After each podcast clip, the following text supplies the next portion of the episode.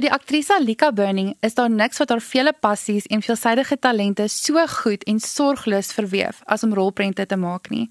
Sy gesels vandag in die Marula Media Ateljee oor #lovemyselfie, haar eerste vollengte rolprent as regisseur en die opwindings en uitdagings wat nou voorkom wanneer mens 'n fliek op 'n passasiersskip probeer maak. Lika, ek wil sommer asseblief net wegspring en eersins net vra hoe dit met jou gaan as vrou en mamma van 3 en 'n filmmaker. Is al baie verskillende goed wat jy nou gelyk in die lig moet hou. Hoe gaan dit met jou? Dit gaan baie goed met my. Dankie dat jy vra. Hierdie jaar is vir my rustiger. Verlede jaar met die fliek saam was dit baie besig en ek het regtig gevoel aan die begin van hierdie jaar wil ek bietjie op die kinders fokus. Daar's drietjies van hulle en daar's baie goed wat aan die middag aangaan. Daar's tennis oor die naweke, daar's swem, so ek wil bietjie op hulle fokus. En ek kan dink dan met so 'n besige program is dit nou nogal moeilik veral omdat jy mees onlangse projek #lovemyselfie op 'n heerlike landwye fliektoer was. Kan jy nou vir die wat onder 'n klip geleef het nou die afgelope jare asseblief net vertel waaroor gaan #lovemyselfie? #lovemyselfie die titel van die fliek verwys na 'n kompetisie wat plaasvind op 'n skip En ouer dames is genooi om 'n selfie van hulle self te neem en in te stuur vir die kompetisie. En die groot prys is 'n een eenheid in 'n eksklusiewe aftreeoord. Daar's vier lieflike karakters wat mekaar leer ken, dis nuwe vriendskappe en ja, dis 'n komedie, dis 'n lekker ligte vakansiefliek kan ek amper sê. En sê vir my, ek verstaan julle het die rolprent fisies op 'n skip vervilm. Ek kan dink die lys van uitdagings was nogal lank geweest baie opwindend om uh, op 'n skip te kan skiet. So ja, net logistiek was dit baie moeilik om dit als uit te figure. Ons is 45 mense op die skip en daar's natuurlik klomp gaste ook 3000 gaste op op een van daai MSC cruises. En so hulle het ons gevra om mense nie te plan nie dat ons asseblief as ons skiet, as ons 'n restaurant gebruik of waar ook al dit is dat ons die die die area afbaken. So ons moes ons eie ekstras ook inbring. Ons kon nie mense raak skiet nie en uit die aard van die saak moes dit wees wanneer almal slaap. So ons het in die middel van die nag gewerk tussen 11:00 en 7:00 in die oggend het meeste van ons werk gebeur. So al daai dagskote wat jy sien in die movie, dis omtrent net soos die son opkom, dis in 5:00 en 7:00 geskied letterlik. So dit is 'n teenstelling. Hulle hou nou nie vakansie nie. Hulle werk nou so tussen al die mense wat 'n lekker vakansie hou op die ja. boot. Almal wat bier drink en party en musiek luister. Ons is 'n bietjie jaloers. En sê vir my, hierdie is nou natuurlik die eerste keer as ek nou reg verstaan wat jy in die regisseurstoel sit vir 'n vollengte film. Ja. En jy werk ook net met al die legendes soos Ilse Roos en June van Merch.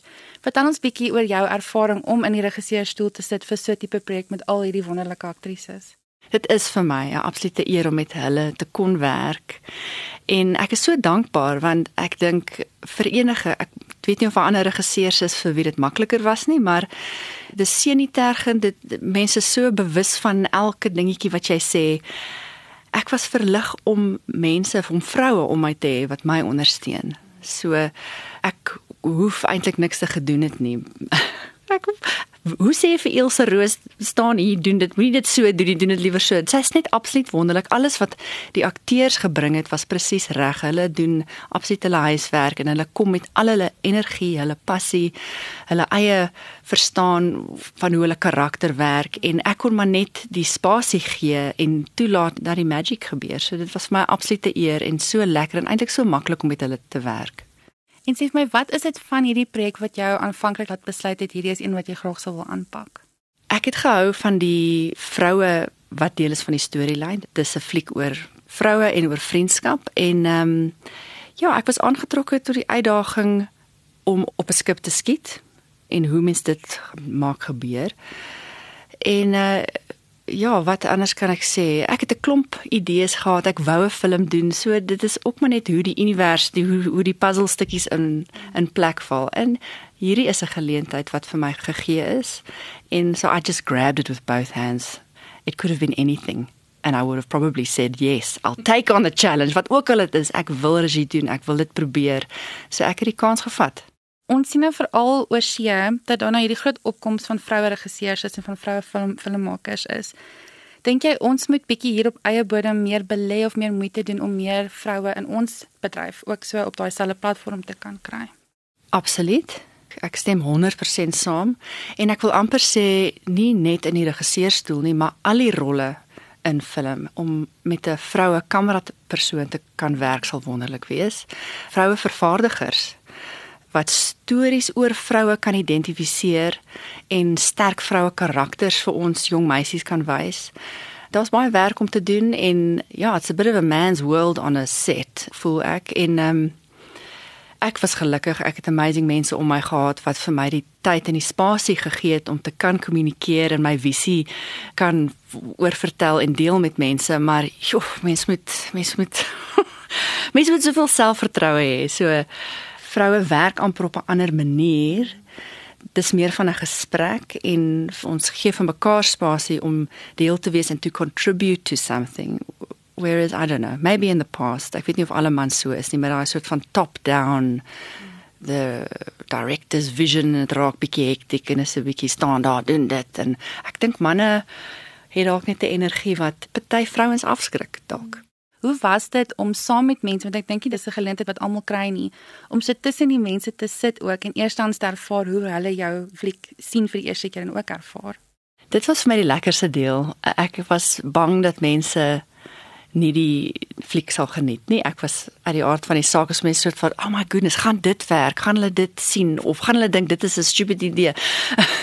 mense is so half exposed as jy iets daar buite sit. Maar dit is wonderlik om te hoor hoe lag die mense. Mense geniet die fliek en stap uit en sê, "Wow, dit was nou 'n lieflike ervaring. Ek voel ligter. Ek ek dit was vir my so lekker geweest." So al daai terugvoer is vir my fantasties en ja, ek geniet dit om die fliek weer en weer te ek het dit nou al 100 miljoen keer gesien maar ja as elke keer uh, sien ek iets nuuts en is lekker om dit terugvoer te hoor van mense. Wat kan aanhangers nou nog hierdie jaar alles van jou verwag? Wat is van die groot projekte wat nou vir jou voorlê?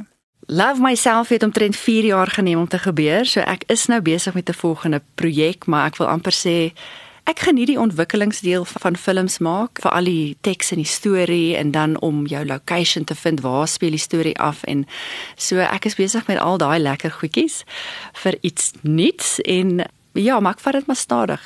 Verlede jaar was 'n besige jaar. Ek gaan ek het ander goedjies ook soos kinders en familie en dis ook belangrik. Ek wil maar die balans hou daar. Ja, maar sien uit om om dit weer te doen. Ek gaan 'n paar goedjies anders doen. En sê vir my, as ek reg is, ek sê die van ons wat nou nie die fliek kon gaan kyk het by een van hierdie vertonings nie, kan dalk uitsien om dit te sien in teaters binnekort.